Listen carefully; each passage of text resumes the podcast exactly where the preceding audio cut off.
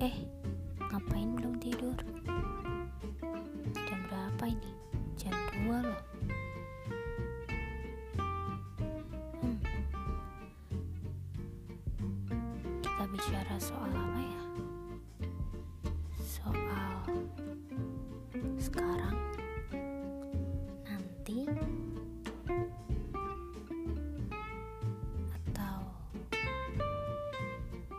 Flashback ke masa lalu.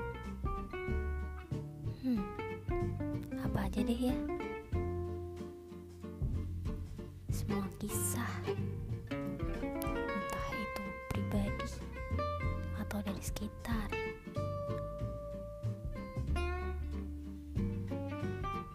Ya, udahlah semua aja kali.